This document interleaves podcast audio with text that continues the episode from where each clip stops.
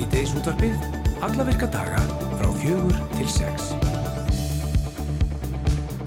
Bjóðum góðan dag hér í síðdeis útarpinu og uh, verðum hér með ykkur Hulda Geistóttir og Jóhann Alfreð og við ætlum að já, sita hér ekki að sumbli en við góða stemmingu enga síður til klukkar 6. Akkurat og það er að uh, nóg að taka í, í þætti dagsins. Já, í gær bárust þau tíðindi að það veri verið að taka upp fyrstu íslensku kartöflunar í ár. Þetta eru gleði tíðindi að mati þeirra sem elska glænýjar kartöflur. Og þær munum við lenda í búðum í dag og við ætlum að slá á þráðinu austur í Þykvabæ og heyra þar í Helga Ármannsinni, hann er kartöflubóndi í Vesturhóllum 2 og við ætlum að trubla hann aðeins við uppskjöruna. Akkurat. Svo var það dagur íslenska fjárhundsins, hann var haldinn hátilhefur á árbæðasafninu í gær. Við vorum nú með smá innslag um það. En við vorum líka með viðtal við annan höfundabókarinn að Luppi finnur Málbein sem er Eirún Ísfold, Gísl, Gísladóttir, afsaki, talmennarfræðingur. Hún stóð fyrir kynningu á með höfundi sínum Þóru Mástóttur á safninu í gær.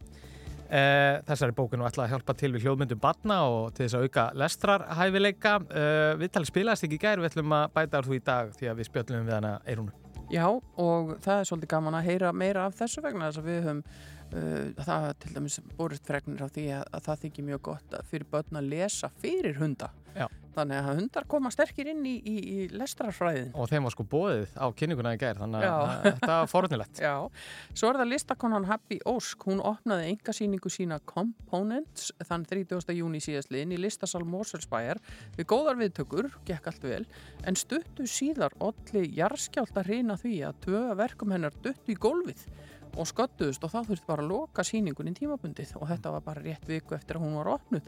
Við ætlum að fá listakonuna sjálfa hérna til okkar í smá listaspjall, við ætlum að heyra af því hvort síningin er farin að staða aftur og, og, og hún ætla líka að bjóða, bjóða fólki til sín í listamannaspjall á morgun.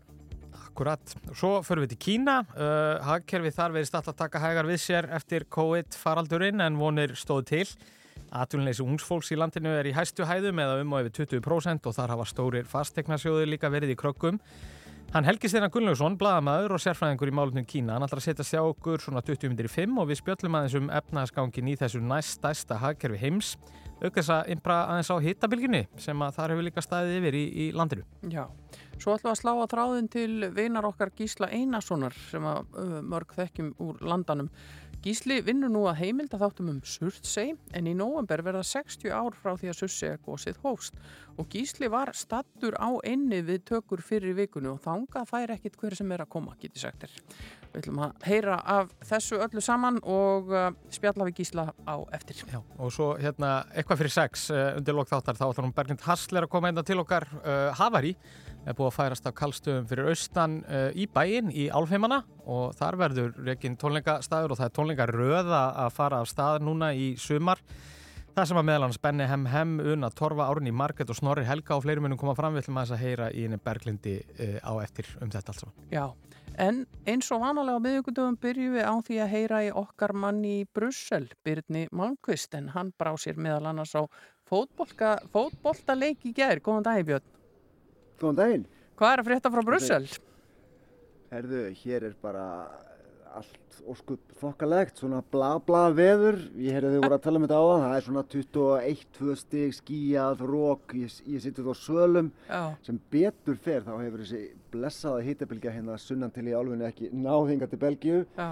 Þetta er náttúrulega voru að sturla veðurna fyrir sunnan sko en hérna er bara svona, eins og ég segi, svona blasuma veður. Rigning, rigning framöndan og, og, og, og bara, að, þú veist, bara allt í lagi sko. Já, já, einhver íslendinga myndu nú kannski ekki kalla 21 stygg bla. Það var í sannlega besti dagar ásins í Reykjavík Ég, sko, ég er búin að ítrykka þetta margótt og fá enga samúð hjá hlustendum með öðrum sem ég þekki á Íslandi þegar ég er að kvarta yfir heitu veri en það var ekkert mjög gaman hinn um daginn þegar það var 33 steg að hitti það var bara, ég bara er ekki að fíla þetta sko. En, hérna, en það er svona en ég minna, sumar er að fulli hér bærin er fullur á túristum. Það er þjóðdíadagur á fastudaginn það verður mikið um dýrður hérna í stórum garði sem er hérna rétt hjá mér sem heitir Sankvantinérgarðurinn það verður hérna, ljósa sjó og, og tónleikar og, og, fullt af fólki og ég ætla, ég ætla að bregða með þangað.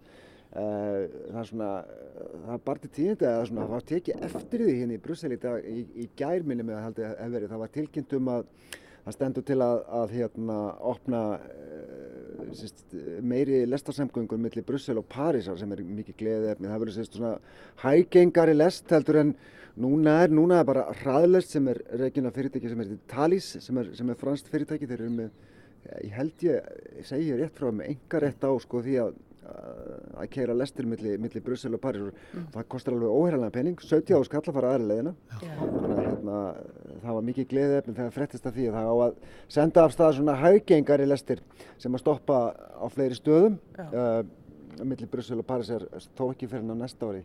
Svo var ég að lesa bara hérna í í, í, í miðlum hér í Belgíu það var risa kokainböst í Antwerpen um helgina 6,8 tonn tekinn það kom fyrir. Kom í gámi það er rosalega mikið sko kom í gámi frá Ecuador og það var búið að hérna, það var búið að hlaða gáminn semst af banunum það var semst fullur af banunum eða semst svona sem, svona sem ábreyða yfir kokain hérna kassana. Það er búið að handlaka fjóra þeir koma fyrir dómara á fymtudaginn Það er náttúrulega, kannski, þetta náttúrulega segir til um sko að Antwerpen og, og, og Rotterdam líka er reyndar svona, hafa verið taldar einar af helstu svona innflutningshöfnum eitulifja yfir Allandsafið mm. uh, til Evrópu sko, þannig að hérna, löggan í Antwerpen sé bara rosalega kátt núna að hafa náð þessu. Já, ég skal trúa því. Wow. Já. Ég held fyrst þú ætlaði að segja að sko bananandir hefðu verið fylltir með kókaini. það hefur rosalega vinna. Það hefur tekið svona tíma. 6, eitthvað tonn af, af hérna, kókain fylltum banunum. Já, það hefur tekið, tekið sinn tíma maður, guðmur góður.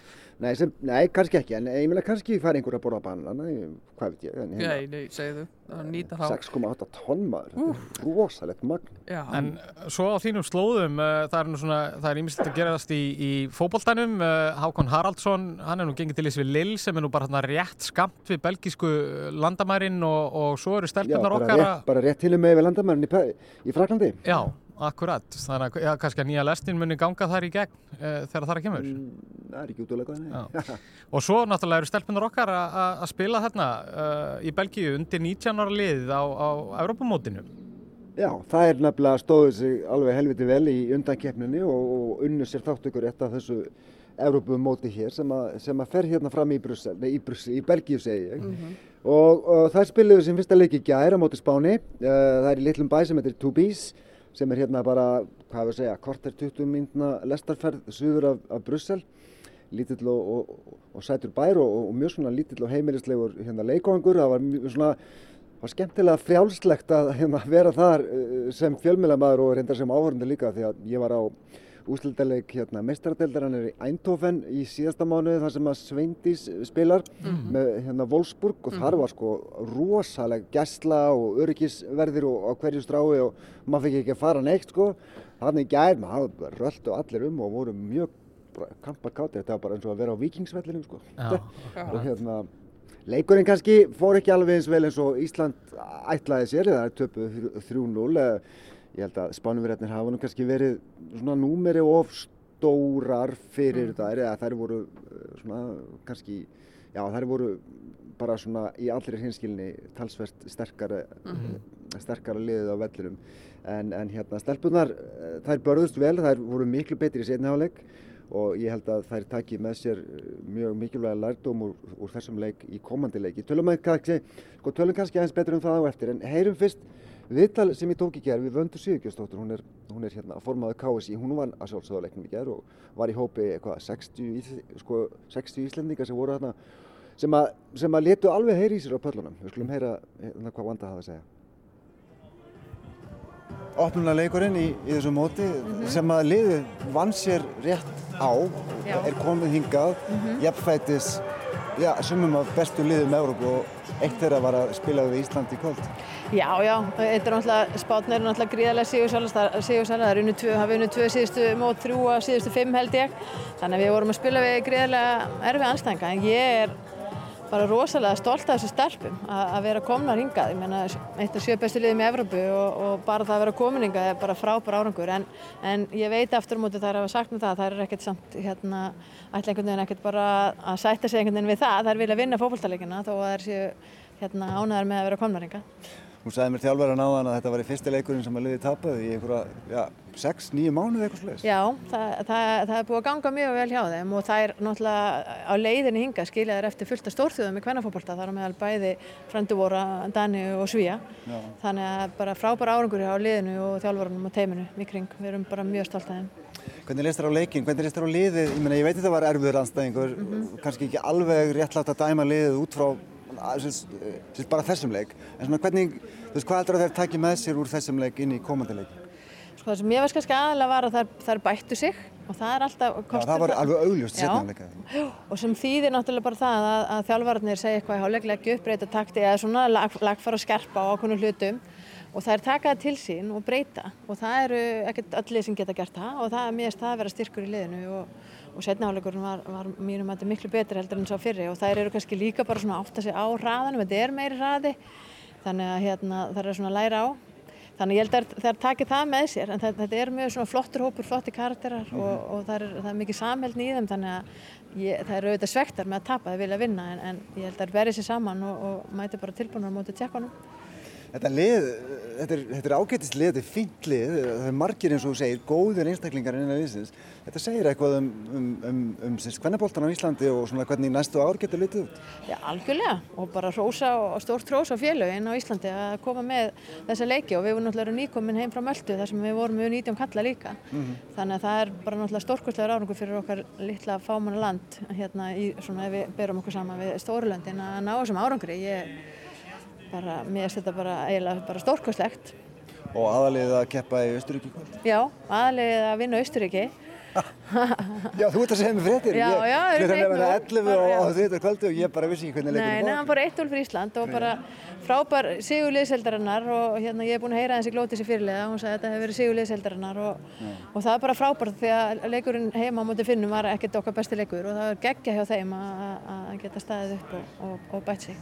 Það var hérna stemning á, á böllunum, það voru kannski, ef við segja 50-60 íslendingar sem að mætti ykkar, mjög margir svona foreldrir Já, ömur afar og sískinni og, og meittir leikmenn og, og letu í sér heyra. Já, já, já, já, og bara hérna, bara ótrúlega skemmtilegt og, og, meina, bara þjóðsöngurinn sungin hástöfum bæða leikmennum og, og fólkin í stúkunni og bara ótrúlega skemmtilegt að sjá hvað eru margir sem er að fylgja, fylgja stelpunum á þetta mót. Ég heyrði mér að segja vikingaklappið. Já, já, hérna, elsta Sigrun, elsta dótti Jörundar Áka, hérna, hún stjórnar vikingaklappinu, bæði hér og möltu, þannig að hérna, þetta er bara, þetta er ótrúlega skemmtilegt, það er gaman að koma, náttúrulega líka bara, er þægilegt og gott veður og, og bara svo gaman að koma og horfa á þessar, þessar stelpur, bara gegja það og ég held að það er muni bæti sem í hverjuleik, það er mín spá. Áfram Ísland. Algjörlega, áfram Ísland. Já, við tökum bara undir það. Þetta var stór skemmtilegt að horfa á og, og í gær, þetta var náttúrulega mjög óvinnilegt. Ég var heima hjá mér hérna eftir þátt og ég gæti skipt á milli tveggja stöðva og hort annars vegar á A-landsliðið uh, kvenna og svo U19 la- landslið kvenna að spila á sama tíma. Þetta var mjög skemmtilegt. En hvað er uh, næst á dagskrá hjá þessu liði, þarna U19 stúlkunum? Já, sko þær spila við, við tjekknesku stelpunar á förstu daginn uh, klukkan uh, hálf sex að belgiskum tíma, það er þá vantilega hálf hvað, fjögur að íslenskum. Og svo spila þær við, við frakka á mánudaginn í næstu viku klukkan hálf nýju, hálf sjö vantilega og uh, sko eh, það er náttúrulega að verður að segja það, þetta er ekki auðveldur riðill, sko, hinn riðillin skilst mér að segja miklu, miklu, miklu svona, ef að segja léttari. Hann er að því að sko frakkarnir og spánverðarnir, þær, þær hafa skipt með sér titlinum í þessu móti síðan 2016, unnið þetta sitt á hvað, sko. Já, Þannig að þetta eru greinilega tvö sterkustu liðin í, í, í Og við fáum bæði. Í, í þessum aldurshópi í evróskum kvennafókbólta og Já. við fáum við bæði. Já, hérna, það verður örgulega brattan að sækja en eins og Vanda meina, liðið er, er, hérna, er, er, er, er, er fest, það, það, eru mjög mótiveraðar og hérna, þær, þær hafa lært á þessum leik í gær, þær koma bara eins og grenjandi ljónin í næsta leik sko og ætla sér að vinna hann sko. Það sé kannski möguleikin sem er hafa, það er að, það er að taka semst, teknísku stelpunar hérna í næsta leik og, og bara, þú veist, og bara þaðan áfram sko, Já. áfram einn. Fyrst og síðast bara frábært afreikuð þetta að vera í hópi átta bestu landsliða í, í Evrópu. Já. Algjörlega, en eins og það segja líka, það, er, veist, það er ekki nóg bara að vera það verður líka að standa sig sko. Jú, jú, Algjörlega. jú, jú. En við tökum bara undir frábært áfram Ísland og já, þökkum fyrir spjalli í dag. Björn Malmqvist í Brussel. Við heyrumst aftur að viku liðinni og þá erum við með eitthvað forutnilegt og skemmtilegt tanda okkur að venju. Takk að þið fyrir. Takk fyrir þetta. Við heyrumst síðar. Bless, bless. bless, bless. Fyrst og fremst með þér. Við erum Rástfö. Já, það er þetta lendi í ímsu tengdu jarðhræringum hér á Íslandi, er óvægt að segja það, en listakonan Happy Ósk og nopnaði nefnilega engasýningu sína Components þann 30. júni í listasal Móselsbæjar við bara góðar viðtökur og allt gekk vel, en stuttu síðar allir jarðskjálta hreina því að tvö verkum hennar já, hreinlega bara dutt í gólfið og, og sköttuðust og þá þurfti að loka síni, síningunni rétt viku eftir að hún var opnuð. Við höfum fengið listakonuna sjálfa í heimsóknu til að heyra eins af þessu öllu saman og, og, og ég er svona bara því sem að hún hefur verið að bralla og kannski listamannaspjallinu sem hún ætlar að bjóða upp á morgun. Velkomin! Já, takk og, og takk fyrir að bjóða mér í þáttiðin. Já, en nafnið, þú skrifar það sko ekki með komum, það er ekki, ekki uppslun í og ekki ó Já. í Happy Ósk sem að svona kannski smá vísbindingum það að þú ert búin að vera í útlöndum í langan tíma.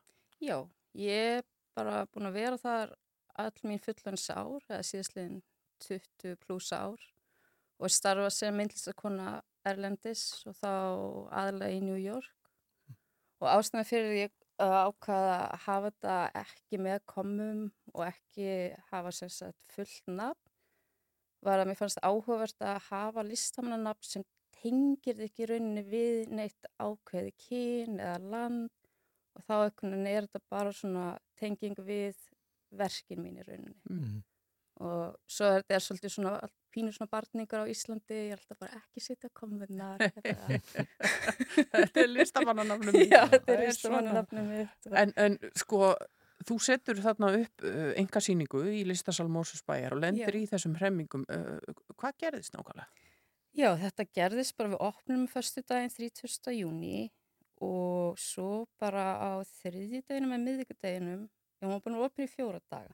Á miðvíkudeginu fæ ég mynd frá umsjónumanni uh, listasalsins, Matti Háð. Þá hafði eitt veggskúltur sem er sem sagt staðsettur á hillu og þeir eru þannig að þeir halda bara, þeir eru mjög viðkvæmum jafnvægispunkti.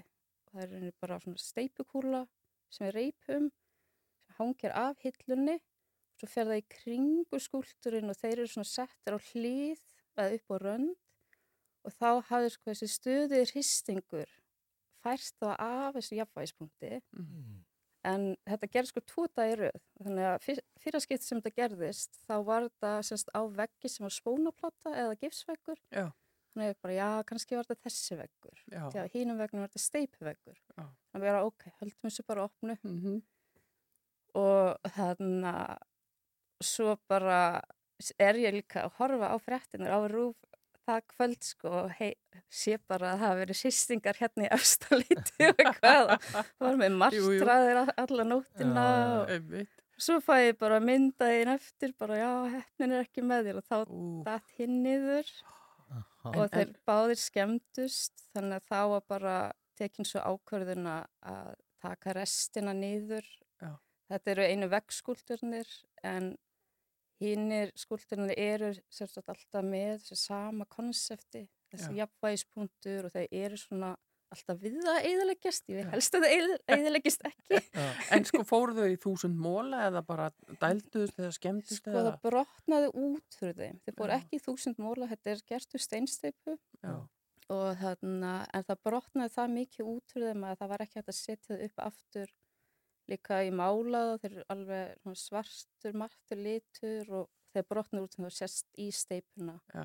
En hvað þýðir þetta sko ef við hugsaum um tjónið? Ég meina listaverk eru verðmætt og, og þetta lítur að vera svolítið tjón bara þannig lagað séð líka. Jú, þetta er náttúrulega það. Það er náttúrulega bara, þú veist, listaverk kosta og svona vinnustundirnar og því miður er þetta svolítið gegnum gangandi á Íslandi að það er ekki mikið um tryggingar á síningarstöðum Mm. þegar Mhm. verk skemmast Mhm. sem er eitthvað sem mætti bara bæta úr Já.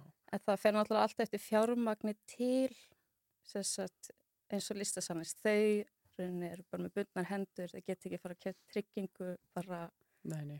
fyrir hvern og einasta sem kemur inn. svona, þannig að þetta Mósfellsbær þarf að gefa þeim fjármagn til þess. Já. En þetta er áhugavert líka, sko, við, hérna, almenningur fáum alls konar áminningar um það að taka hluti niður af veggjum og Já. meðan að svona tíambil ganga yfir, en, en kannski gerir maður ekki ráð fyrir þessu. Þetta er, þetta er óvinnulegt. En eh, ertu, er búið að opna sýningun aftur? Já, uh, ég syns að kom aftur á þriðdægin fyrir viku síðan. Ég var að opna aðra sýningu þannig að fyrir rúmri viku, einna hálfri viku. Það er maður bara að gleyma dögunum. Aukaðrið. en þarna, já, þannig að ég setti hana upp og þá, svo fór ég bara í, aftur í stúdióið að gera við hinverkin og það var bara mýði. Setti, ég hafði haft, gæt sett upp annað verk sem ég hefði ætlað að hafa hinn í sýninguna ákvað ekki, sem er í þessari serju. Þannig átti vara, varaverk. Ég átti varaverk, sko. Þannig, og svo var bara miði í viðgerð vegna skemta út af jarðskjaldum. Vegna jarðhræringa. Já. En þú búin að vin, uh, búa, eins og sagðir, í mörg ári í New York og í Hollandi þar á undan. Já. Uh, hvernig er að stíga svona inn í íslenska listamanna umhverfið? Það er bara búið að vera mjög áhugavert. Það, þarna, það er svo mikið munur, ég komið reglulega og sínt hérna, en kannski sérstaklega út af COVID þá hef ég ekkert verið hérna. Og það er mjög gaman að sjá hvað þetta er alltaf stækkur og verður alltaf fjölbreytar og fjölbreytara. Um, ég verður samt að segja að vinna í skúltur er er svolítið áskorun hér. Mm. Bara efnið er mjög dýrst og bara úrval á efnum. Ég held að ég sé bara líka svo góðu vun að vera í New York og geta bara er allt til. fengi allt sko. Það var vinkunum mín var í heimsögnin um daginn frá New York og ég baði hana með að fara í Home Depot og kaupa sérstökur reypi fyrir mig og eitthvað svona dótari sko. Þannig að Já, já. það er bara svona er allt til í Ameríku. Já, og þannig að, en já, það er mjög góður svona, myndi segja, bara svona félagskapur listamanna og stuðningur hérna og þetta, já, það tekur tíma að koma sér upp nýju stúdíu og svona en og fyrir utan okkar jarðskjálta þá er þetta mjög fínt. Já. Og, byrju- og svo morgun uh, allra bjóð upp á, á svona listamanna spjall. Já. Já. Á morgun þá ætlum ég að tala svona dýpra um sýninguna Mhm. og þetta verður klukkan 5 og þetta verður svona max klukkutími með spurningum. Ég ætla ekki að tala streyti, ekki tala alveg í heilan klukkutíma sjálf. Nei. Og þá mun ég líka tala svolítið meira bara um, þú veist, kannski svona vinnuferli og hvað svona hugsanin er á bakviðverkana og hvernig litið það í þetta verk og, Mm. og líka í sem sagt, sem sagt, þema síningarnar sjálfur, hvað, hvernig það kom til. Já, sýningin heitir Components sem að eru ja, eitthvað skonar íhlutir eða Já, sko, já, ástæðan fyrir því að, að þetta er á ennsku til að byrja með er að ég bara til rauninu vinn ekki myndlist á íslensku Mhm. og þetta þýðir að vera sagt parstur af einhverju stærra Mhm. parstur af einhverju heild eða hluti og þegar ég var svona að vinna sagt, að hugtakina að sýningunni þá var ég alltaf bara, já, það er allt ég gerir sem sagt skúltur og svo setja það saman og þeir mynda eina heild og ég bara, já, það er allt í pörstum hérna hjá mér. Mm. Já, Þannig að ég ákvað bara að, að láta það sýninguna heita það. En Já. mér fannst einhvern veginn parstar ekki ná jafn mikið yfir sem sagt hugtæk sýninguna eins og components. Þannig að, nákvæmlega. Þetta, Já. þetta ljómar vel og þess að lift, listamannaspjalli er á morgun bara í síningasalnum í Já. listasalm Mósfellsbæjar og, og öll velkomin þangað og hversu lengi eru sýningin í opinn? hún er búið, það er búið framleikja hann um viku. Já, það varð að gera það. Það varð að gera það. Þannig að hún er til annan ágúst núna í staðin fyrir 28. júli.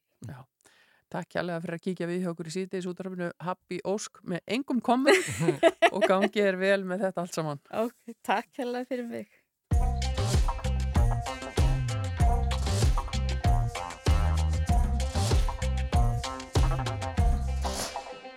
Er hell olíu á enn og neistar fjúka um Lofur kift og seld með blíðum augunum Ertu eina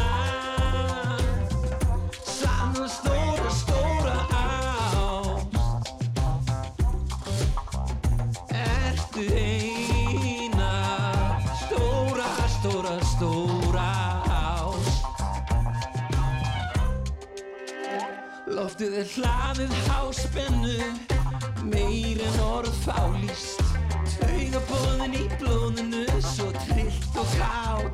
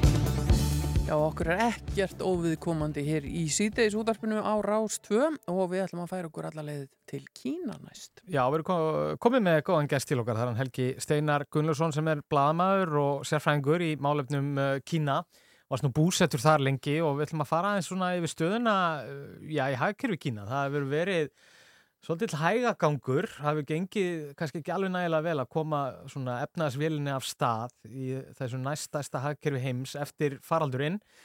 Uh, og þú varst ná að skrifa greina sem þú varst að ræða eins um atvinnleysi ungsfólks í Kína hvað svona mm, eh, er þetta áhyggjefni? Já, það, það er það sko.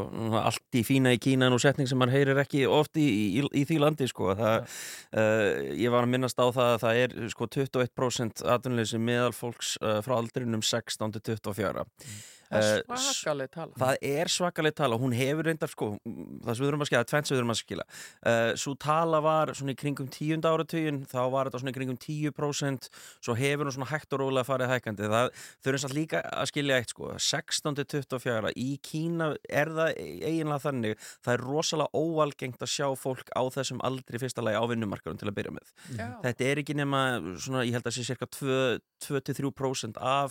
sé cirka 2-3% af uh, vinnumarkaðunum í stórborgum Kína og það er ástæði fyrir því. Það er vegna þess að uh, í, víst, á Vesturlöndunum þá er mjög þá veist, maður fyrir mentaskóla, þá vinnur maður með mentaskóla, þú ert að vinna í sjoppu eða eitthvað. Það bara þekkist ekki í Kína.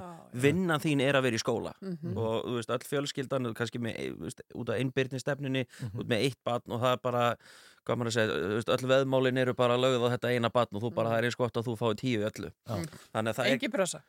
Alls ekki, alls ekki. Og, og, en aftur, á móti það er, uh, núna erum við að sjá sko mikið af, af nýjútskrifum háskólaneimum sem eru að fara núna í sumar inn á þennan markað. Og, og sko eins og ég sagði þó svo að þetta sé ekki rosalega stór prósenta af öllum þeim sem eru á vinnumarkaðunum í Kína þá er þetta voða hávær prósenta sem er á samfélagsmiðlum að kvarta undan því að geta ekki fengið vinnu og, og það er mikið stress og, og allt þetta. Og þannig að þeir hafa smá ávíkjur að það geti haft svona keðjuverkandi áhrif á restin á samfélaginu. Mhm. En- og, það, og það er náttúrulega verið þessi umræða er náttúrulega svo sem kannski verið í gangi í svolítið tíma, það hrykti svolítið í stóðum í efnarslífinu uh, þar hafa verið að blandast inn umræður varandi fastegnamarkaðin sem að hefur nú svona, það verið talað um lengi að hans í yfirspendur og svo hafa náttúrulega stórir fastegnasjóðir hérna verið í vandræðum og annað um, já, hvað svona Já, sko, þetta er náttúrulega koktel, þú minnist þarna á fastaknumarka, það náttúrulega hefur verið uh, náttúrulega, lengi vel rætt um tlæmis þessar draugaborgir og, og Mhm. hann rosalega sem sagt, uppgang sem er alltaf. Sko, náttúrulega Kína, uh, hagkerfið er svo, þeir náttúrulega hafa alltaf verið að, ég held að sko, einn besta saga sem ég einhver tíman heyrt var þegar hérna, Kína var að opna sig fyrst og það kom einhver bandarísku stjórnmálamæður og spurði þegar hann var í heimsókn í Kína hann spurði Deng Xiaoping hérna, hva, hvað eru þið með? Eru þið sósialistar, eru þið kapitalistar, hvað, hvað eru þið? Mm. Og hann bara sagði hérna, herri kallið minn, við gerum bara sem virkar og köllum það sósialisma. Já. Þannig að það er það sem er búið að leiða hagkerfi áfram. Það er bara, við finnum bara það sem virkar. Já. Og ríkistjórnin hefur uh, undanfarin ár náð meir og minna að skila því en þeir, geta, þeir hafa skilað en 10% hagnaði á hverju ári eftir dæmis 1992 og það hefur verið mikill uppgangur en, en uh, svo aftur á móti kemur náttúrulega COVID og það sem gerðist var í, í gegnum COVID uh, var að hérna, uh, það voru mörg, þeir fóru hart í COVID sko Mhm. Mm. bara mjög hart, við munum eftir því að það var hérna uh, sem sagt uh, við vorum, jú, jú, máttum ekki fara út á djammið, máttum ekki fara út að borða eða eitthvað, Þeir, það var bara fólk sem var sko, að sjóða hurðirnar hjá því fólki bara í, í, og það var bara læst inni og það sem gerðist náttúrulega í kjölfari var að fólk átti ekki pening, það misti alla tekjurnar Mhm. uh, og þau hefðu einhvern veginn vonast eftir því að eftir að þau myndu hérna uh, fara af stað uh, með hagkerfi á ný þá myndi allt fara í gang en það bara gerðist ekki. Og uh, stór ástæð fyrir því er að COVID í rauninni í Kína drap stóran hluta smarri og meðalstóru fyrirtækin Uh, og þetta var, ég held sko 70-80% af ungu fólki sem var að vinna í Kína vann hjá þessum fyrirtækjum. Þannig bara nánast einni nótti þá bara hurfu þau öll. Og hérna svo líka í kjölfarið þá er rosalega mikið bara óviss á markaðunum og náttúrulega markaðurinn þólir ekki óvissu og það hefur, þannig að þetta hefur haft svona koktels keðjuverkandi áhrif sem að við erum að sjá akkurat núna. Já. En sko Kína er e, eins og framkom hérna áðan auðvitað eitt af stærstu hagkerfum heimsins. Hvaða áhrif, hvaða afleitt áhrif hefur þetta á okkur hinn í heiminum? Já, það er náttúrulega, við erum byrjuð að sjá það að náttúrulega er uh, miklu minni eftirspurn á uh, kýmverskum vörum og það náttúrulega hefur líka haft í för með sér uh, þessi áhrif uh, en uh, sko það slæma í raun, sko það sem hefur til dæmis nú að sjá rosalega svona, það er spenna, það er svona öryggisklemma núna á milli bandaríkin og Kína Mhm. og, og uh, það sem hefur alltaf haldið þessu svona nýja kalda stríði sem við erum í núna uh, í skefjum hefur verið að við reyðum á hvort annað, við þurfum að stunda viðskipti og, og því meira sem að við erum að íta hvort öðru í burtu á diplomatískum, á, sérst, á efnahags og viðskiptalegum nótum Mhm. því meiri aukast líkurnar á að, að eitthvað geti gerst í framtíðinni og tala um stríð eða einhver svona aukin ágreiningur eða eitthvað svoleiðis Mhm. Uh, þannig það er um, það sem er náttúrulega búið að vera hérna, svona að helsta umræðuefni og ástæðin fyrir því að við erum búin að sjá allar þessar ofinbyrju heimsóknir uh, bandarísku stjórnmálamanna og, og Elon Musk var alltaf með þessum daginn og þannig það, það, það er að reyna svona að, að, að halda þessu gangandi því að stríðið er náttúrulega bara slæmt fyrir, fyrir hérna viðskipti. Já, en sko nú var þetta hérna í COVID að þá auðvitað miklar umræður um það að það þyrfti að einhverju leita að fara að færa svona framleistuna aftur nær okkur á Vesturlöndum að, að náttúrulega það hefur svo mikið verið framleitt í Kína uh, og svo ro- rofna keðjurnar í kringu COVID er, er, er þetta eitthvað að farið að spila inn í? Er, er vestran fyrirtæki eitthvað fann að draga sig þarna út eða er, er það ekki að sjá? Þau eru það, það var hérna, ég gerði nú greinu það bara um daginn að, að uh, vestræn fyrirtæki eru í auknum mæli að, að bara hætta starfsemin sinni í Kína og það uh, í rauninni hefur að gera með, uh, sko alltaf það, það sem hefur gerst í öllu þessu, allir þessari spennu sem hefur átt sér stað milli Kína og Vesturlandana og þá aðla um, myndi ég segja Xi Jinping og stjórn hans af því að það hefur aukist rosalega mikið þjóðurninsykja Mhm. uh, svo, og, og hann hefur farið svona harða svipa á rússar er að gera með vestræn fyrirtæki þessa dagana. Uh, það var náttúrulega þeir tóku yfir til dæmis uh, Danone og Carlsberg hérna, dótturfyrirtækin og, og, og það er verið að, að, að ráðast gegn í rauninni vestrænu fyrirtækjum sem starfa í Kína. Uh, það hefur gerst núna bara undanfarin ára uh, starfsmenn hjá vestrænu fyrirtækjum sem er að stunda markaðsrannsóknir í landinu eru kannski bara, uh, bara þeir eru handteknir og þeim hent bara á bakvið lás og slá Mm. og, og það er eins og ég var að tala um áðan rosalega mikil óvisa þannig að uh, ríkistjórnin hún- hún getur ekki gert tvent á sama tíma hún getur ekki verið að ráðast gegn þessum vestrænu fyrirtækjum og, og, og litið á það sem einhverja njósnara eða uh, hvort sem það sé að, uh, út af einhverju þjóðaröryggismálum eða þá bara hvort sem það sé að þóknast einhverju au- aukinni þjóðurnisekju í Kína og á sama tíma vera að byggja fyrirtækjum að koma að fjárfesta Mm.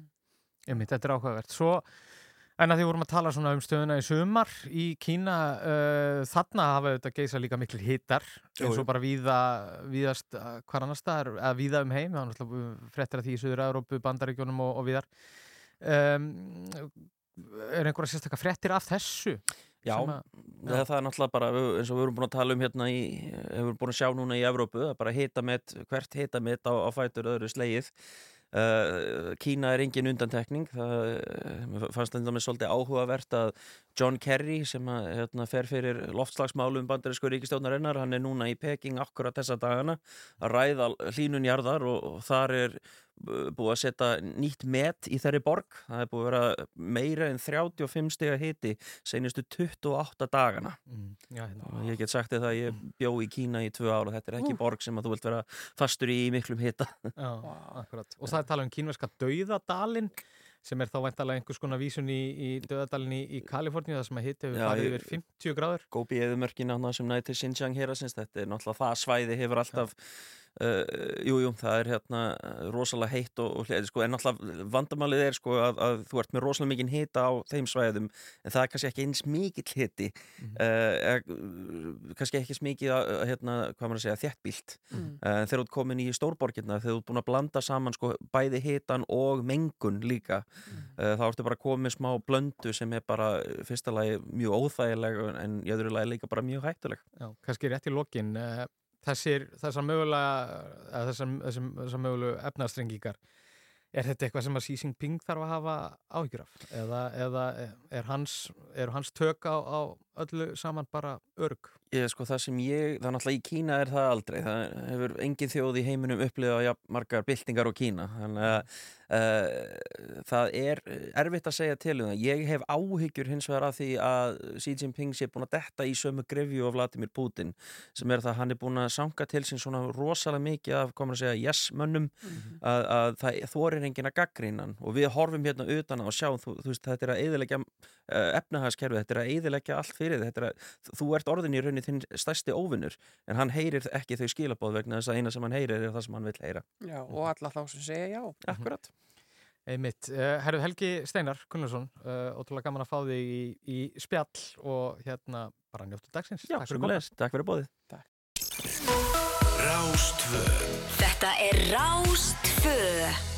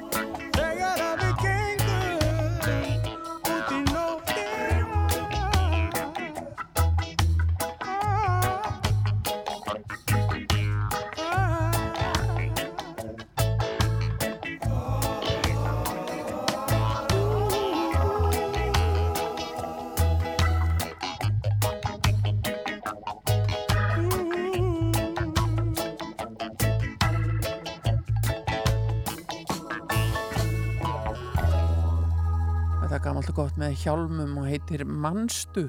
Nú það stýttist í fréttir hér hjá okkur á Rástöðu á slæginu klukkan 5 að þeim loknum ætlum við að ringja austur í Þykkabæ og heyra af fyrstu kartöflu uppskjörunni. Við ætlum líka að kynna okkur hvernig hundar geta hjálpa til við uh, já, málþróska, getur við sagt, uh, lestrarhefni. Og við ætlum líka að slá þráðan til Gísla Einarssonar sem var í Surtsey og svo kemur Berglind Harsler hérna og segir okkur eh, frá tónleikaröði Havari. Já, hún er búin að flytja Havari að austan og í bæinn og uh, sjálfsagt eru mörg sem taka því fagnandi að fá nýjan uh, tónleikastað hér í Reykjavík því að þeim hefur frekar farið fækandi heldur en hitt. En fram að fréttum er það tónlist, við heyrum hérna í Sixpence None the Richer með gamla smellin Kiss Me og þar á eftir rennum við beint í PJ Harvey og Tim Phillips. En fréttir klukkan 5.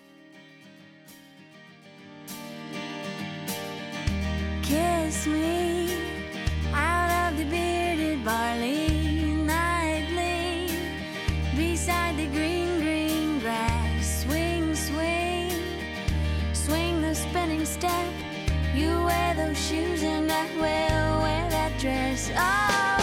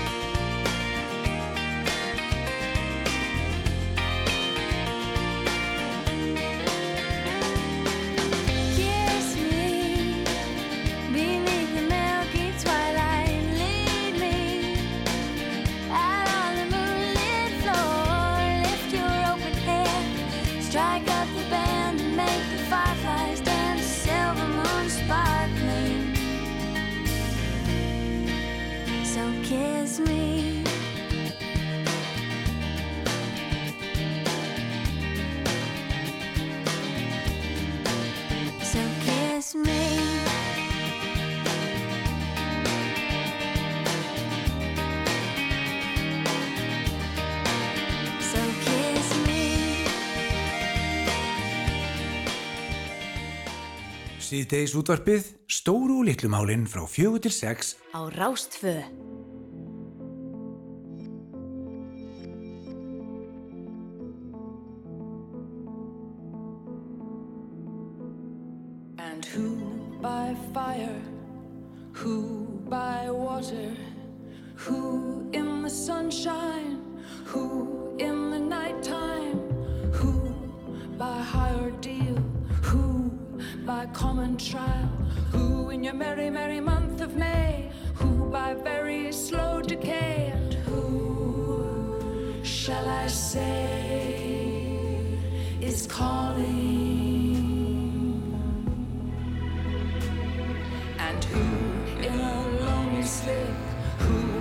by barbiturate, who in these realms of love, who by something blunt, who by avalanche, who by powder, who for his greed.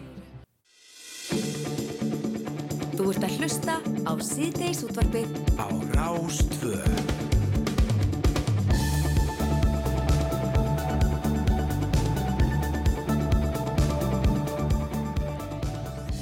Já, síðdeis útvarpið heldur áfram hérna eftir fimm frettir uh, með ykkur hérna Jóhann Alfreð og Hulda Geistóttir ætlum að sitja hérna til klukkan 6 og það er uh, nóg framöndan hérna á setni klukkutíman með okkur Já, við ætlum að heyra uh, tónleikaröð í Havari í Reykjavík. Við ætlum að ringja í Gísla Einarsson sem er búin að vera út í Surtsey uh, síðustu daga. Já, svo þú að flytja viðtal sem ég átti við hana Eirún Ísfold Gísladóttur í gær á degi íslenska fjárhundsins í Árbæðasafni en uh, já, við ætlum að byrja austur í Þykvabæ uh, en það, er, eru gleðið tíðindi sem að báru staðan því að já, allir þeir sem að elska glænjar kartöblur þá eru þær fyrstu, fyrstu kartöblur sumarsins eru komnar í hús Já, og hver elskar ekki glænýjar kartöflur? Ég bara spyr.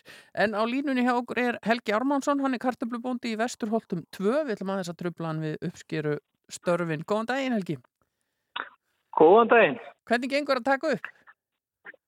Það gengur bara mjög vel. Það er bara sól og blíða og þetta er bara Allt eins og það á að vera. í draumi líkast bara. Já, já.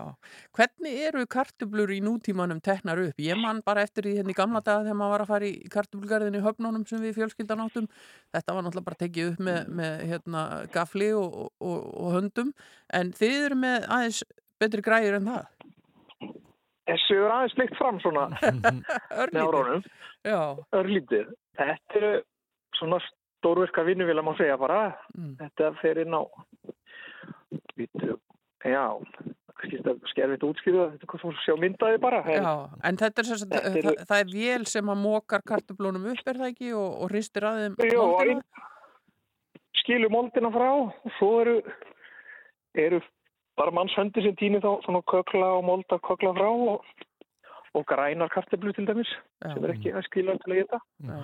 Svo fer þetta bara í kassa eða boka og þaðan er þetta bara flutt heim síðan á vökkunum eða og þvegið þar sko. Já, þannig að það er farið í bað. Það er farið í bað. Það var bara svona í góða þvóttavél sko, bara ekki dósi bara heima hjá fólki. Já, ok. Og Hvað er, hvað er þessi fyrsta uppskera sumarsins? Hvað, hvað hérna, hvað er hún stór? Þetta er svona hálsbrotnar karteflur. Það eru svona, já, það eru bara búin að spretta helmingin á tímanu sínum. Mm Þannig að þeir koma svona undan svona plastúk sem við setjum yfir til að flýta aðeins fyrir fá tveimur viku fyrir eða, eða svo. Já. Og við erum svona bara rétt að taka upp sínusótt núna bæði dag og gær og svo heldum við áfram í næstu viku. Er þetta er ekkert rosalegt magn enn sem komið er. Nei, það er það nú ekki. Ekki svona eins og kyrstu við vetra tíman. Já, en það er náttúrulega haustið er væntalega aðal uppskjörutíminn, eða ekki, eða, sem sagt, þannig að þetta, þetta fer svona hægt og rólega í gangi á okkur og, og svo svona kemur meiri, meiri þungi í uppskjöruna eða hvað. Þetta er svona tilbúið við miðum við svona oft fyrsta september. Það getur farið til og frá vika sko hvernig bara það er eftir er. Já. Og þá er bara eru menn hérna allan, menn og konur allan daga út september oft úr tíðum sko. Já, að taka upp karteflur. Já, sko, karteflan, geymslu. karteflan hefur nú bjargað heilu þjóðunum í, í, í gegnum söguna og, og er ótrúlega svona lífsegt matvæli getur við sagt. Er, er karteflur vinsalar hjá Íslendingum eða hefur þetta eitthvað breyst? Er ykkur tíska í kartefluneyslunni? Það, er- já, þetta er svona fyrblur. Núna er, er smælki skarfula, þetta allra minnsta sem var kannski hendin í gamla daga. Hún er, hún er það sem fólk vil. Já. Á öllum veitingastöðum er- getur maður að fengið svona flott smælki með. Já, það, já, það eru Já. ríkalega góðar. Saltaðar og einmitt. Ég er bara, vá, ég er bara eins og ungenda. En hérna áður fyrir var þetta bara, þá átti kartaflan bara að vera sem stæst, eða hvað? Já, bara, já, svona í meðalstær, bara svona einhverjum 50 mil, nei, 45 mm með eitthvað. Og, en þetta bara þótti ekki við hæfi að selja allavega, en veitingastæðinni bara kláraði þetta allt upp Já. í dag. Já. Þannig að þetta er eiginlega hægt að sitja það í búður. En Þetta en þetta er, hlýtur að vera þá jákvætt, ég meina það er þá ekki matarsóun, þessu er ekki hend, tínt frá og hend, þetta fer þá í, í veitingastæðina. Já, það bara, það fer nánast bara allt saman. Við hendum ekki ná bara þessar sem er ekki, sem eru bara ónýtar, það er annarkvort gefið þá sumur hverju gefið þetta nautgripum, þannig að sé eins í nýtt, nánast allt. Já, en kartöflunar sem þið eru að taka upp núna, þessi fyrsti skamtur, uh, það, einhverjar þeirra áttu að koma í búðir í dag, er það ekki rétt? Jú, ég held að það fara allan frá okkur, fóru inn í hvað sé að netto og svo verður þetta komið inn í fleiri hagkaup og krónun á morgun og Já, þannig að við, við að það getum hendi í, í nýjar kartöflur í kvöld eða á morgun. Það er alla líkur að því Þetta fyrir hljóma, helgina. hljóma vel. En nú hafa sumrin verið svona misgóð undanfærin ár. Það var mikið rigningasumar hér fyrir ekki svo löngu síðan sem að hafi slæm áhrif á kartöfluræktunina og, og vorið núna var nú kallt og leðilegt. Hvernig, hvernig hefur þetta verið í ár fyrir ykkur? Hvað áhrif hefur þetta á, á kartöflurækt? Það var allt miklu setna núna, það var bara svo blöytt að við gátum ekki sem sett þær nýður þannig að þetta en það komist nú niður fyrir rest svo þessar vikur núna þessar heitu bara þeir eru alveg frábæri fyrir okkur Já. bara, þessi hiti og gott veður bara kjöraðstæður fyrir kartöfluna Já. það mætti fara að dropa þess Já, ég ætlaði að segja að þegar það er svona heitt kannski langan tíma, er, þarf þá að vökva eða býðið bara eftir hún kemur nú alltaf fyrir rest. kemur nú alltaf fyrir þetta en það var ekkert verra við hvað það en menn eru kannski svo vel tækin búnir Nei. að eiga En þetta er, þetta er náttúrulega annað tími á ykkur, ég meina þeir byrjaði núna um mitt sumar og verðið uh, vel inn í haustið á fullu. Hvenær fara kartöflubændur í frí? Er það eitthvað sem þið spáið í? það er svona, við reynum að núna erum við svona í sam hvað við erum svona samstarfi bæði bróður minn og faður og móðir. Já, þannig að við svona reynum að skipta þessu eitthvað. Sumir fara lítið í frí. Já, við búum svo vel að geta farið í frí hérna í okkar fjölskyldu þannig. Já, af því þið hafið þennan hóp til að, til að skiptast á. já, En er þetta ekki alltaf samt svolítið skemmtilegu tími þegar fyrstu kartöfluna komu upp og það líta vel út og, og þetta lítur að, að gleðja hjarta bóndans? jú, jú, þetta er bara þetta er alveg hátíða okkur hérna þessa dagana Já, og kartöflur í öll mál. Kartöflu í öll mál það er bara, það er bara svo leiðis Já, þetta ljómar mjög vel, við munum án ef að ná okkur í kartlöflupóka annarkort í, í kvöld eða morgun þegar við erum búin í vinnunni og, og, og henda í nýjar, sjó, sjóða nýjar með smjöri og salti, er það ekki best í heimi? Jó, það ljómar ekki illa. Það er frábært. Uh, takk fyrir að vera á línunni hjá okkur, uh, Helgi Ármannsson, kartöflubóndi í Vesturholtum 2 og við segjum bara gangi ykkur sem allra best með þetta, ég hlakka til að fá mér glænýjar kartöflur. Takk fyrir. Takk fyrir spjallið, Takk fyrir bless, bless. Já. Já, gaman að þessu og eins og ég segi, ég laka til að fá mér, fá mér uh, nýjar kartöflur en við skulum henda hérna í nokkrar auðlýsingar og svo er það uh, meira skemmtilegt efni hérna á eftir. Já, það er uh, vís komin tími til að halda áfram henni í síðdeis útarpinu og uh, við ætlum hérna næst að, að heyra forvinnilegt spjall sem þú áttir í gær. Þú varst hérna að kíkja á dag íslenska fjárhundsins í árbæðasafni og hittir þar fullt af fólki. Já, algjörlega, ég hérna fór þarna, það var verið að halda upp á dag uh, Íslenska fjárhundsins og, og sem að var nú í tilefni af ammali Mark Watson sem kallaður hefur verið bjargvættur Íslenska fjárhundsins Já. en það var svona ímiskona dagskáð þarna og meðal annars uh, var svona smá kynning og fyrirlestu sem að Já, þær voru að halda Eirún Ísfold Gísladóttir og, og Þóra Másdóttir sem uh, eru höfunda bókarinnar uh, uh, Lubbi finnum málbin. En svo bók, hún hefur nú verið nótu núna í að verða 15 ár uh, til þess að hjálpa börnum að já, mynda hljóð og, og hjálpa þeim í, í lestri Mhm. og uh, já, fyrir smá mistök þá eiginlega fór þetta viðtal ekki lofti hjá okkur í gær en ég sagt tók hana í rúnu við spjallaðins við hana þarna í lækjargötu fjögur í árbæðasafni og það sem að fyrirlæsturinn fór fram og við skulum bara hlýða á hvað hann hafði að segja.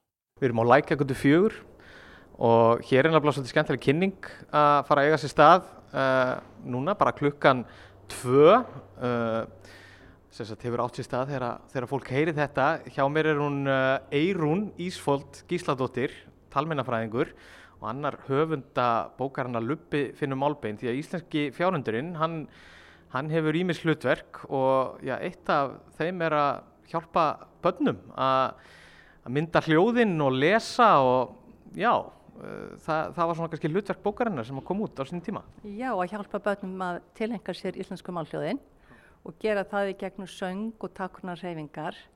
Þannig að þau á hvert málhljóð á sína sérstöku takkurnar reyfingu eins og tökum P, P, P, P, P, P.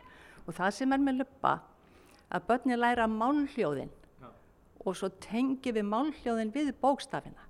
Og svo náttúrulega eins og út í leikskólum núna um land allt að þá er kannski farið þrísvar sinnum yfir efnið en alltaf sem sagt með breytilegum hætti. af því að það er tengt við sem sagt uh, hljóðkerfisvitund, hljóðavitund þannig að það er byggt ofan á skipulega en alltaf er leikurinn í fyrirrúmi og börn læra þannig að raða saman málhljóðum og hljóða sig í gegn um einföld orð. Þannig að við erum að leggja grunn að lestranámi og svo er þetta að raða upp litlum málbeinum þá eru þau svona eins og að skrifa einföld orð. Og náttúrulega fjárhundurinn er í aðhlutverki hérna á arbæðasafninu í dag og hann er kannski með eitthvað þráð að krakkarnir bara dýrka íslenska fjárhundin. Þannig að þetta er viðeigandi að, að, að hann sé að leita að málbeinunum. Já, það skiptir voða miklu máli í þessari nálgun að hafa hund. Þess að dýrin þau gefa okkur tækifæri og, og hundurinn ekki síst til þess að nálgast efnið á lifandi hátt og börnin er að hjálpa luppa og luppi er svo mikið vinu barnana að þau leggja sér virkilega fram um að hjálpa honum þannig að þú sér það að þetta er samstarf. Hann hjálpar þeim, þau hjálpa honum. Og Lubbi, hann er komin á fermingaraldur eða ekki? Hvenær kom bókin út? Hún kom út 2009 hjá forlæginu Málamenningu. Og það er búið að sagt, gefa hana út núna bráðum í áttundarskipti. Þannig að þú sér það að hún lifir góðu lífi og það má segja að hvert sem ég fer, ég fari við um land, uh, haldið yfir 150 námskeið og landsbyggðin tók eiginlega við sér á undan höfuborgsvæðinu og það er kannski, ég menna, gott að vera sveit og taka við sér og, og einhvern veginn þá kom landsbyggðin þar mjög stert inn en nú er sem sagt höfuborgarsvæðið og, og hvar sem er á landinu uh, hægt að finna leikskóla og jafnvel flesta leikskóla sem að þekka til uppa og nýta efni skipulega. Þetta er mjög áhugavert og hérna þi- þi- þið allir sitt í raun og veru að vera hérna með kynningu og, og grafa til nokkru málbeinum á eftir. Já, og það vil svo skemmtilega til að hér er náttúrulega dagur íslenska fjár og það ætla fjölmenna hundar hingað uh, og hlusta á kynninguna og vonandi að taka þátt. Þannig að bæði vonandi börnin og hundarnir geta uppgötað einhver ný hljóð hérna eftir. Já, ég býð svo, ég get alltaf listi. Herðu, gangi ykkur vel í dag, gaman að spjalla við þig. Já, takk fyrir. Síðdegis útvarpið. Málefni líðandi stundar frá fjögur til sex á Rástvö.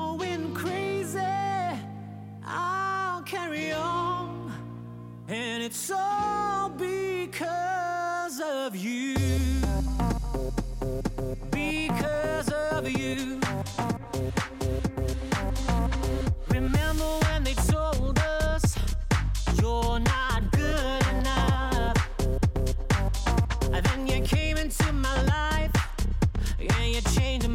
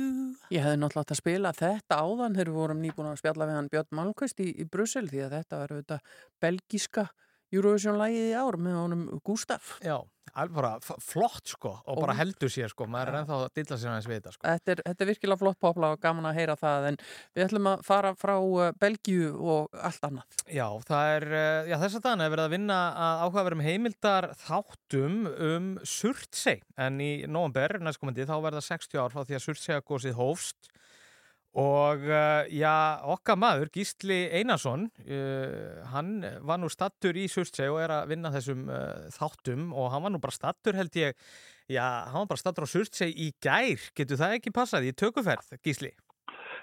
Jú, við komum bara við Magnús Alli uh, tökum að við komum heim bara ég segi ekki vill að leika en við komum heim í gerðkvöld og, og leist svo sem ekkert á blikuna. Það var vond í sjóin og, og var alveg að markonum að að hérna Björgunarfélagi Vestmanniða sem að sá um flutningin að, að, að menn kemist hérna til þess að lenda í eigunni það er ekkert hlaupið á því en, en, en þetta eru hörku tól og þeir náðu okkur hérna náðu okkur í land Já, þeir eru hörku tól og þið líka.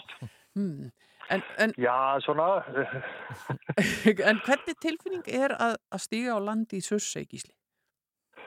Hún er náttúrulega einstök, sko, þetta er náttúrulega er algjör fórið tindi því að það er náttúrulega eins og margir vita að það fá mjög fá er að fara þarna og, og það er ekki ástæðalösu þegar hún er, eigin er búin að vera friðuð í, í megnið af þessum 60 árum sem að hún hefur verið, já, sem, sem er liðin öru síðan að góðs hófst þarna og, og hérna, og hún er heimsminna skrá hérna UNESCO og, og, og, og hérna, og hún er rekin í raun og veru bara svo lifandi tilurinn og svo, og þarna vakta menn mm. hérna uppgang palatna og bara hvernig jarðvegurinn og, og allt við hefst, bara, bara hvernig líf verður til og, og hérna, og, og það er þeir einu sem að fá að fara, þarna eru eh, vísindamenn og svo einstaka hérna svona hvað segja, kvikmyndagerða menn eða, eða, eða dagskrafgerða menn svona, því að hluti af friðlýsingarstefnunni er svo að, að, að, að bæði að rannsaka og líka að miðla og það má segja að það eh, svona undir því ef við skinni för, förum við þarna og það er okkar, okkar hlutverk Já, að, þið- að, hérna, að gera það. Og þið eruð að vinna sér stað uh, þáttum um uh,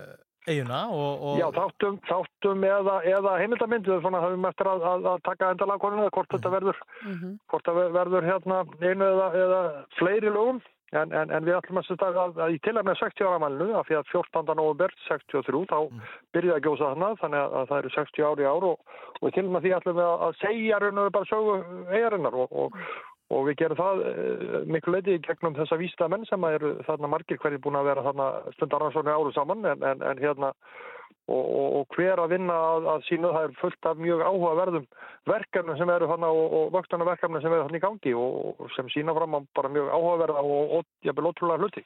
Já, og hvernig er sko eins og til dæmis bara gróðurfar náttúrulega þegar þessi eiga verður til þá bara spýtist hún upp úr sjónum og það er bara vikur og raun og einhvern veginn sér maður ekki fyrir sér hvernig nokkur strá ætti að vaksa þarna en það er þó nokkuð gróður í einni.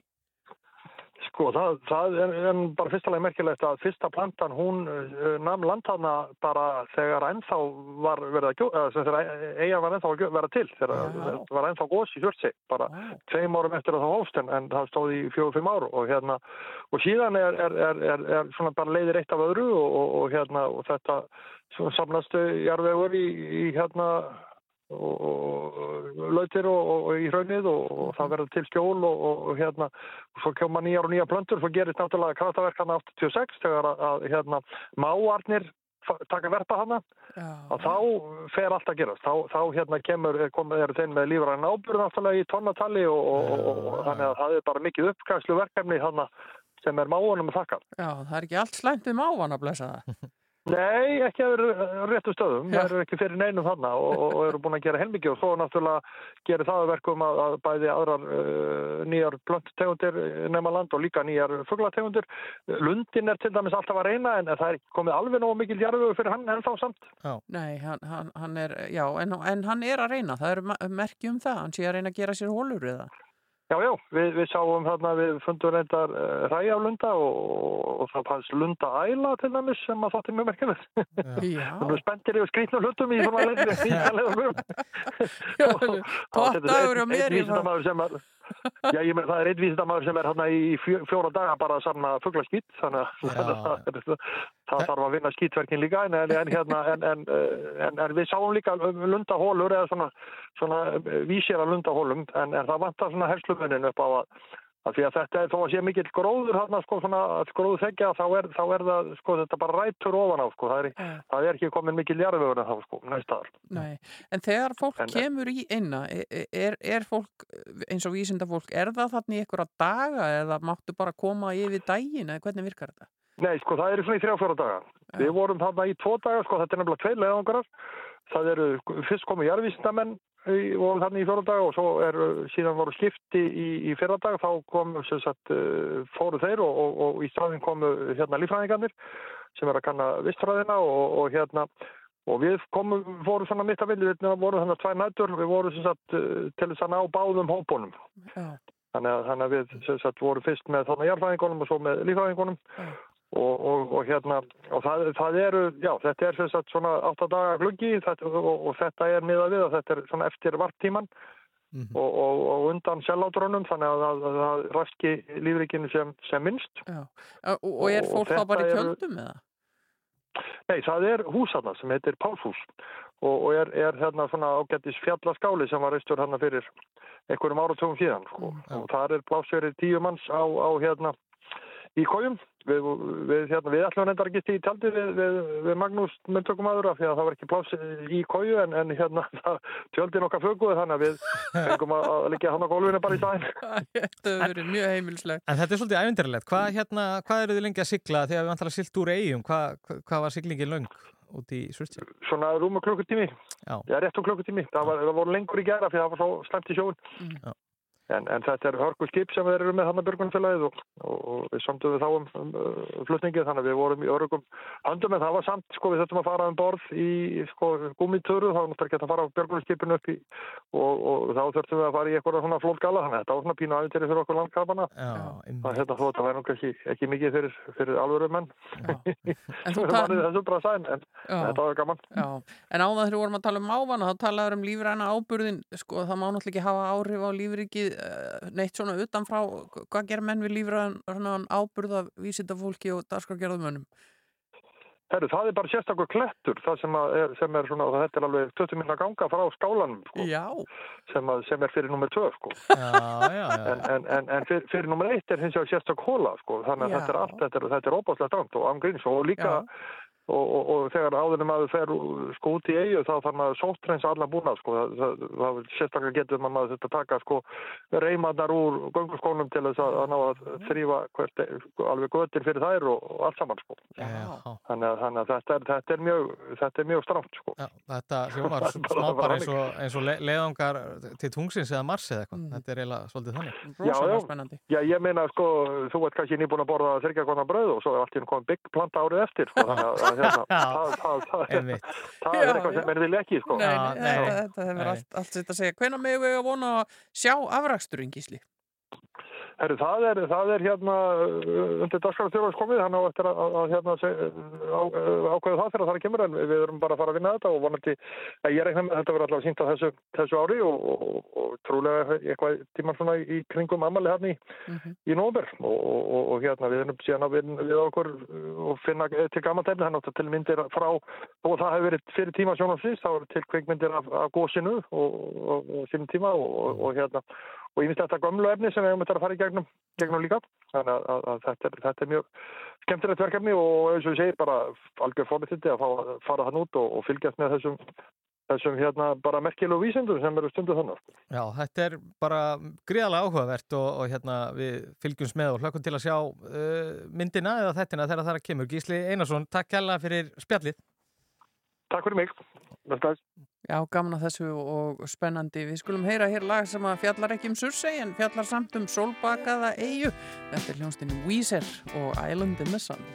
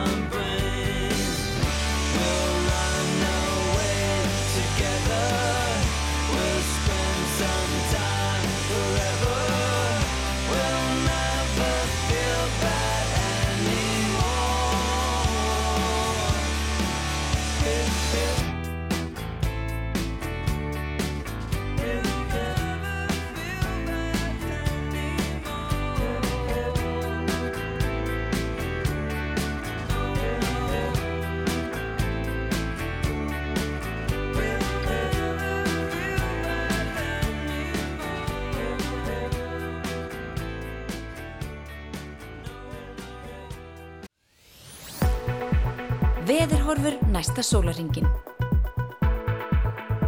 Já, þið veitir hvað þetta þýðir. Við ætluðum aðeins að kíkja til veðurs. Við vorum svo sem bara búin að vera að tala hér um veður í öðrum löndum en, en lítið eh, hér á, á heimaslóðum. Já. Aðalega bara að horfa hér á, á skjánum, á eldgósið. Þetta er svo ótrúlega tilkomið mikið núna. Það verður enn flottara þegar að vera rökkva. Já, vonandi svona, já, helst þetta svona, þetta getur orðið mjög mikið sjónaspil held ég á, á svona síðsumarskvöldi. Já, þetta svona eh, þegar það er orðið aðeins, aðeins meira dimmt. En uh, veðurhorfur á landinu eru eftirfarandi, norðvestan 3-8 metrar á sekundu, þoku loft eða smá súld við vestuströndina í kvöld og morgunni gert ráð fyrir hægri breytilegri átt skíuðu og dálítilli vætu suðvestan og vestan til en bjartað mestu norðan og austanlands og hitin þá á bylinu 10-18 stig og hlýjast á Suðurlandi. Það verður áfram hlýtt á kartaflónum í Þykobæ. Já, og gætu fallið þarna einhverju drópar næstu daga en, en annars svona frekar tíðindalítið veður, bara nokkuð lít og mildt en, en sólinn sem að hefur nú aldrei sem verið að láta sjá sig allan hérna Sunnhólands síðustu dag hún svona fer kannski að draga sig aðeins í hljá. Já, segir hérna í huglegingu veðurfræðings í lokin eh, e, róli heita veður næstu dag að skýjaða mestu norðan og austalands en annars skýja með köplum og stöku skúrir mm. og hitin verður þetta 6 til 18 stig hlýjast söðu vestanlands þannig að þetta lítur e, bara ágætla út eins og hún segir, þetta er svona freka mildt, mildt allt Já. og, og minnlaust. Þetta er svona frábært golfveður. Já, Já og svo sagður þú held ég, þú, hefur þú spil, aldrei spilað golf? Já, nei, ég er aðeins í golfi þannig að, hérna, já það, ég, að að, já, það, þú ert bara skíjað og hlýtt, myllt eh, enga regningu, bara í toppmál Já, bara eitthvað starf hérna á milli. Já. já, já, ég er alveg til í smá sól, svona allavega inn á milli, Vi, við fáum sjá svolítið eitthvað af þessu öllu næstu daga. En ég ætla að henda hérna næst í lag með Sálinni Jónsmís, það heitir Aldrei liði betur og ég ætla að nota tækifæri og senda ammaliðskvæði og makka benvinn minn sem er mikill sálar maður og ég held honum að við heldum bara aldrei liði betur. Stóra ammali í dag.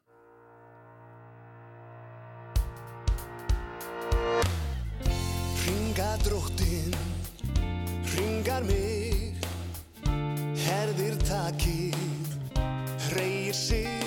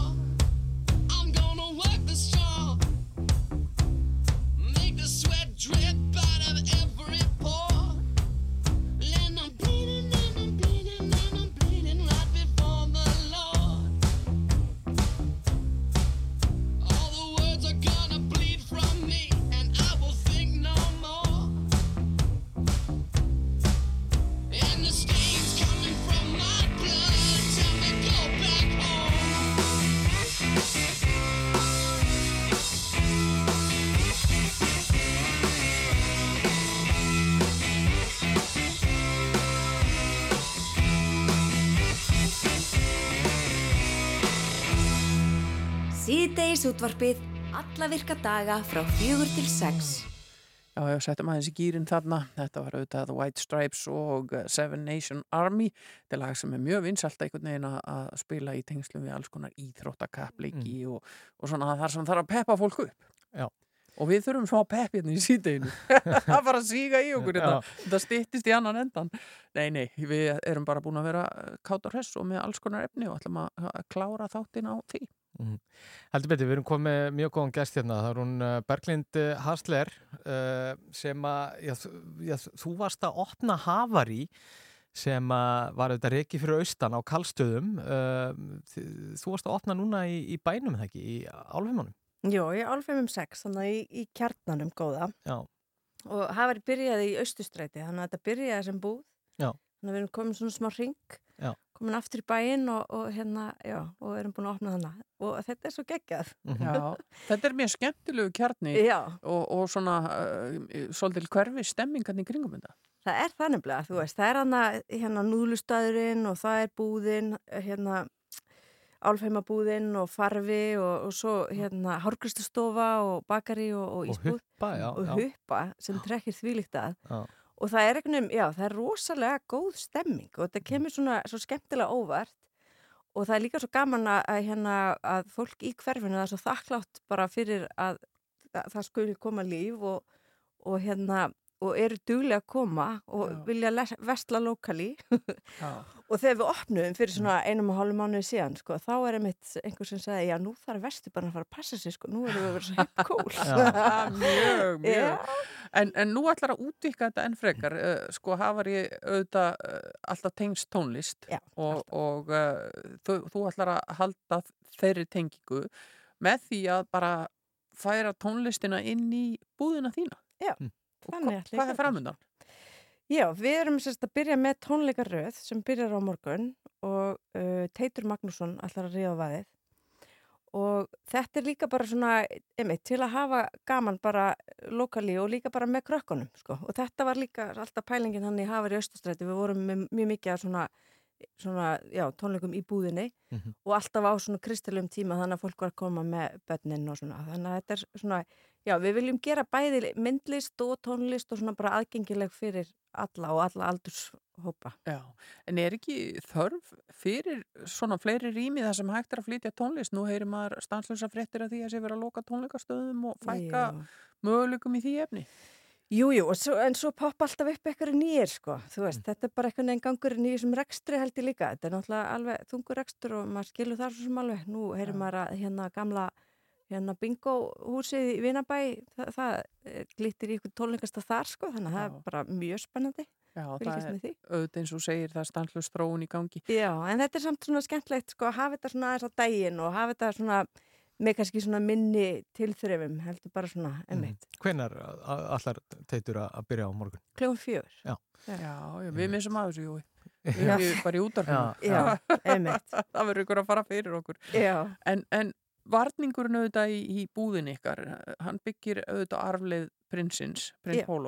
Og, og uh, mjög vinsala vörur og skemmtilegar og sniðuðar og, og, uh, en þeir eru líka að sína uh, verk eftir aðra eða bjóða öðrum listamönnum að koma þann inn. Já, nú erum við með alveg frábæra síningu sem að e, byggir á svona góðkunningum hafari e, sem er e, Hugleikur Dagsson og Lóa Hjalmtís og Sara Ríl og, og Mhm. Ekki mjög fleiri. fólk. Alls ekki leðilegt fólk einmitt um, Já, þannig að það er mjög gaman og þú veist, og svo, svo rótirast það þannig að við opnum uh, já, sérlega næstu síningu í september Mhm. þannig að, já, þannig að þá, þá er þetta alltaf svona bara uh, lífandi rými með alls konar uppákomum og, og skemmtilega heitum. Já.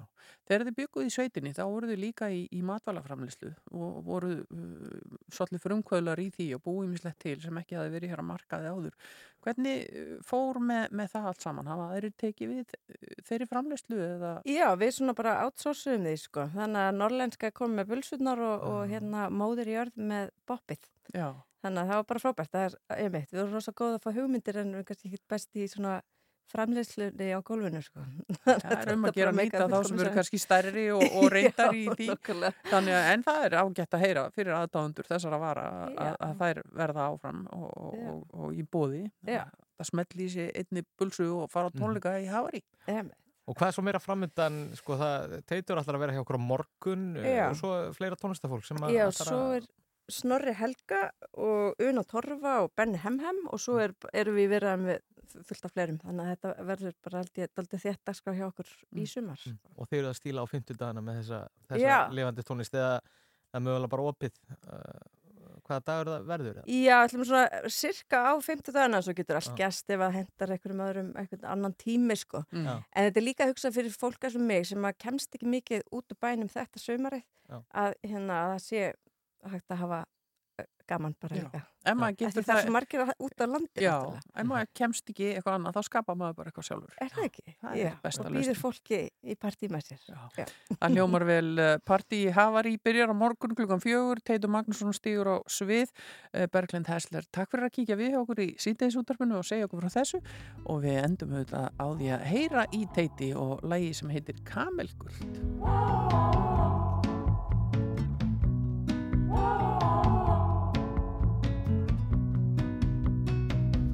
Kamelgulir, frakkar og fingur. Fáinn kamelgul blöð. Og kamelgul nú sál mín syngur. Svo lítið kamelgul drugl. Kamelgulir, frakkar og fingur. Fáinn kamelgul blöð. Og kamelgul nú sál mín syngur. Svo lítið Kamelgulir, frakkar og fingur. Fáinn kamelgul blöð. Og kamelgul nú sál mín syngur. Svo lítið kamelgul drög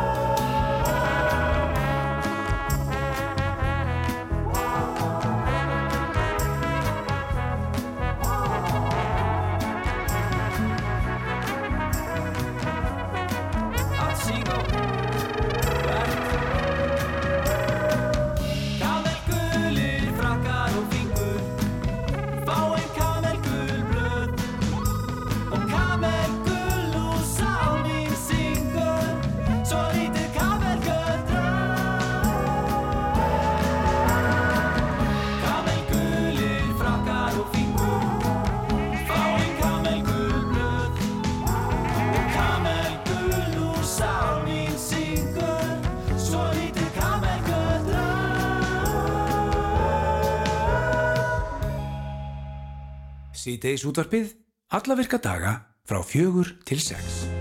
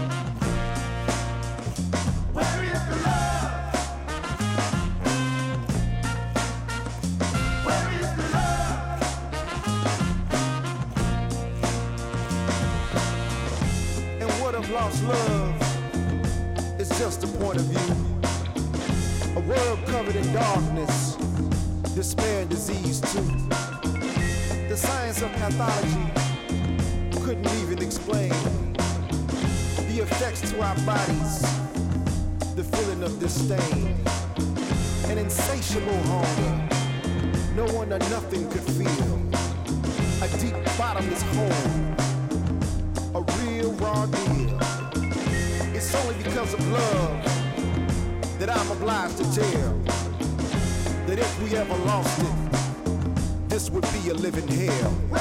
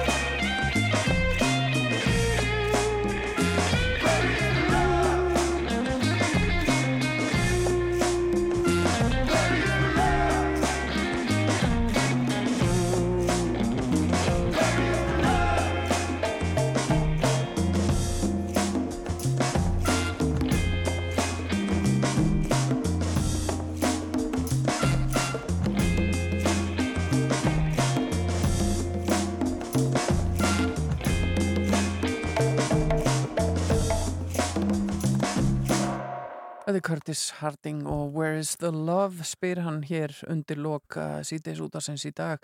Það eru Hulda Geistóttir og Jóhann Alfred Kristinsson sem eru búin að vera hérna með ykkur frá því klukkan fjögur og ég ætla að vera hérna aftur á morgun og þá er það Kristján Freyr sem að slæst í hópin með mér því að þú leggur auðvitað í hann út á land. Það er ljóðvegurinn framundan um helgina. Við ætlum að vera á Snæfellsnesi á hljóðið eitt um helgina. Ég ætla svona, já, fara út í Flatey og kíkja bara uh, Arnarstappa og Stikkisólm og Ólasvík og Já. Grundafjörð og, og hérna þjókarðin auðvitað, ykkur Snæfellsvíkul og svona. Þetta verður mjög spennandi. Já, já. Heyrum aðeins að því í sítiðis útarfinu á förstu dag og svo þetta á hljóðvegi eitt um helgina og um, jafnvel víðar í dagskránu okkar. Þú, þú dúkar upp hér og þar í ofinn. Já, eigum, það til. Já, eigum það til. En við ætlum að kveðja í Billy. Það er hér framundan eru kvöldfréttir klukkan 6. Að þeim loknum er Rósa Birgitta með eldúsverkin fram á sjónvarsfréttum og svo er það auðvitað kvöldvakt í kvöld. Við segjum bara takk fyrir að hlusta að vera með okkur og það er Június Meivand sem á síðustu tónana í dag. Lægið heitir Beat Silent Need og með því segjum við takk fyrir okkur. Thank you.